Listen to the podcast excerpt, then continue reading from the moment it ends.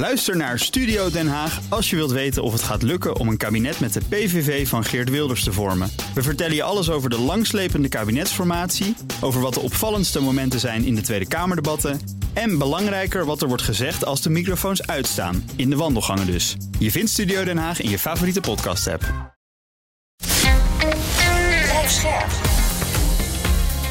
BNR Nieuwsradio. Boekenstein en de Wijk. Hugo Reitsma. Welkom bij Boekenstein en de Wijk. Het is vrijdag, dag 597 van de oorlog in Oekraïne. En dan hebben we ook nog de oorlog in Israël. Waar moeten wij als eerste naar kijken? Rob. Ja, gek genoeg toch eventjes eh, naar eh, de oorlog in Oekraïne. Iedereen is natuurlijk helemaal gefocust, en dat begrijp ik heel goed hoor, Mhm. op, eh, op Israël en wat daar gebeurt. Maar er is toch wel even iets aan de hand op dit ogenblik in Oekraïne. Ik, ik doe even wat ik eigenlijk al in maanden niet meer heb gedaan. Ik ga even van, eh, van noord naar zuid. Eh, als je helemaal kijkt in het noorden, eh, bij Kupiansk, dan voeren de Russen daar beperkte operaties uit. En ze, voer, en ze zijn daar ook beperkt succesvol. Maar er is, zijn dus vorderingen. Dan ga je verder naar beneden. Dan kom je bij die roemruchte Statove-Kremina eh, frontlinie. Daar eh, zijn ook grote gevechten gaande. Eh, veel verliezen worden daar eh, geleden. Weinig eh, vorderingen voor eh, de Russen. Dan ga je verder naar het, het zuiden. Dan kom je bij Avdivka terecht. Mhm. En daar moet je op dit ogenblik echt heel goed naar kijken. Er is een groot offensief gaande op dit ogenblik door de Russen. Ze boeken vorderingen. Niet ontzettend veel. Maar het feit dat ze enorm veel eh panzer daarin zetten. Helikopters, artillerie, veel luchtsteun. Dat duidt echt op dit ogenblik op zware gevechten en een grote aanval. Nou, als je kijkt waar dat ligt, dan eh, kun je ongeveer wel raden wat de doelstelling daarvan is. Namelijk het inbezit eh, krijgen van de rest van de Donetsk Oblast. En dat is echt bedoeld om, eh, laten we zeggen, te consolideren eh, wat je in dat eh, gebied hebt en ook verder uit te breiden, zodat je die hele Donbass in bezit kunnen krijgen. Nou, er is pakweg eh, in één of twee dagen is er vier tot vijf vierkante kilometer bezet. Dat is wel vrij veel, moet ik zeggen. Ehm, als ik dat afzet tegen de verovering van de Oekraïners de afgelopen tijd, zouden wel enorme verliezen hebben verlezen, geleden, de, de Russen. Ze zouden één eh bataljon staakgroep hebben, eh, hebben verloren. Dat is echt Ja. veel. Dan praat je gewoon over duizend man. Maar dan gaan we iets verder naar het eh, zuiden. Echt een klein stukje verder naar het zuiden kom je in het Donetsk terecht. Bij de stad Donetsk. Dan zie je dat daar de Oekraïners beperkte opmars plegen. Dan vervolgens ga je verder naar het westen. En dan kom je eh, bij Origiv uit. Dan zitten we in het westelijke deel van eh, de Zaporizhia Oblast. Daar wordt ook stevig gevochten. Het idee bestond eh, dat die dat grote offensief bij Advik, Ad- Advika, dat dat bedoeld was om de, om de Oekraïnse troepen te binden, zodat ze niet naar Origiv kunnen, kunnen, aan, eh, kunnen uitwijken, om ervoor te zorgen dat ze daar een doorbraak forceren. Want Dat is die weer al- Zaporizhia? Ik raak ja, dat is Zaporizhia precies. Oblast, inderdaad. Ja, ja, de Zaporizhia Oblast, dat Ja. is het westen daarvan. Want daar hebben we iedere keer gekeken naar die enorme doorbraken die Van geforceerd zouden worden. Ja, exact. En daar zijn ze ook door de eerste linies heen, eh, eh, heen gebroken. En het idee is dat de, die Russen ook dat offensief doen. om ervoor te zorgen dat troepen van Oekraïne niet daar naartoe kunnen worden gedirigeerd. Maar het heeft er nu ook schijn van dat ze nu proberen om toch een groot deel van die Donbass in eh, bezit eh, te krijgen. Dus we moeten even afwachten wat nou precies uiteindelijk eh, hier gebeurt. Maar dit is wel belangrijk wat er gebeurt. Ja, wat ik zag in de, de dagelijkse melding van de Oekraïners over het aantal gesneuvelde Russen, dat dat nu al een aantal dagen boven de duizend per dag zit. Je weet natuurlijk niet helemaal hoe, met hoeveel korrels zout je dat soort getallen moet nemen, maar dat duidt natuurlijk wel op eh, zware gevechten, zwaarder dan normaal. En dat zou dus inderdaad daarbij Afdivka vandaan kunnen komen. Daarnaast Ja. opnieuw, Arjan, wij hadden het er laatst over, hè, van waar zijn de Russische raketten gebleven? Volgens mij kwam het bij Instituut voor de Study of War vandaan. Die zeiden, ja, er is inderdaad een, eh, een pauze in Ja. de raketten. Eh, dat komt vaker voor. Volgens mij april vorig jaar was eerder ook Ja. zo'n lange periode. Toen hebben ze natuurlijk in de winter heel veel Oekraïnse energieinfrastructuur gebombardeerd. Dat ze een pauze nodig hebben omdat ze gewoon tekort hebben aan, Klopt. Maar ook de stilte voor de storm, denken ze. Want ze hebben natuurlijk nog wel wat. Wat er vannacht is gebeurd is ook wel interessant. Oekraïne claimt dat er dus een poging van een Russische saboteurgroep, zo noemen ze dat dan, weet je wel, die in, in de Sumy-regio, Noordoosten, probeerde dus Oekraïne binnen te trekken. Uh, en dat is volgens Sergei, Sergei Naev, commander van de, van het Oekraïense de regimentsdeel wat daar zit, hè, is dat voorkomen. Het gaat maar over, het, het zegt niks het gaat over acht, acht Russen die dat eh, af zijn geschrokken door uh, Oekraïns vuur. Ik zag ook nog, maar ik moet zeggen, ik, ik zat een beetje. Je moet zien hoe, hoe wij erbij zitten, trouwens, Rob. Jij bent vanuit Frankrijk bij ons. Wij zitten hier in het de, de studiootje waar normaal de reclames worden opgenomen. We, we zitten hier een beetje in een zootje en dus mijn informatievoorziening ook. Maar ik zag dat in elk geval één Russisch uh, schip op de Zwarte Zee zou zijn aangevallen. Daar is een explosie geweest en uh, daar is brand. Maar ik zou, zag dat er ook mogelijk sprake was van meerdere schepen. Dus ook daar uh, gebeurt nog van alles. Alleen ik moet zeggen dat ik er niet helemaal het zicht op heb. nee, ik ook niet. Nee, ik ook niet. Ik heb ook eens via de tamtam gehoord. Maar nee, ik zou dat niet kunnen duiden op dit ogenblik. Daarnaast denk ik ook nog belangrijk te melden, hoewel dit van uh, gisteren kwam, dat de Roemeense autoriteiten een krater hebben aangetroffen ergens in de buurt van de grens met, uh, met Oekraïne. Die duidt op de impact van een drone opnieuw, wat dus uh, ja. zorgelijk is, want dat is NAVO-gebied. Ja. ja. ja. Nou, verder allemaal hele kleinere dingen, zoals dan Poetin is in Kirgizistan geweest op een Russische basis deze week, geloof ik. Hè? Oh ja, onderweg naar China, meen ik. Onderweg naar China, geloof ik. En nu wordt er dus gezegd dat het de militaire en defensie samenwerking met Kirgizistan zal uitgebreid worden. Nou weet ik niet, Rob, of Kirgizistan nou militair zoveel heeft. Weet je dat?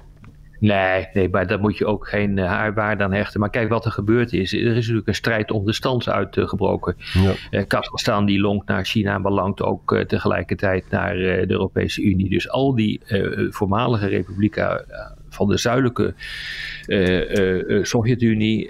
ja, daar is nu feitelijk een strijd om invloedssfeer uitgebroken. Dus ik begrijp heel goed dat Poetin daar naartoe is gegaan. Om toch duidelijk te maken van je hoort echt bij ons. Je hoort bij onze invloedssfeer. Mm -hmm. Ja, jongens, het lijkt verdomme de 19e eeuw wel. De Armenië, daar kan hij dus niet meer naartoe. Want die heeft het International Criminal Court ondertekend. Hè? Kyrgyzstan ja. heeft dat niet gedaan. Dus ze kon daar heel veilig uit zijn vliegtuig. Azerbeidzjan heeft hij ook een probleem mee. Want ja. ook al hebben die Nagorno-Karabakh ingenomen. Ze lonken toch naar het, uh, uh, naar het westen, naar de Europese Unie. Dus hij zit aan alle kanten zit hij wel fout toe daar. Ja. ja. Ook over Finland zegt nu, dan hebben we het over die pijpleiding, weet je waar we het over hadden. Oh, ja.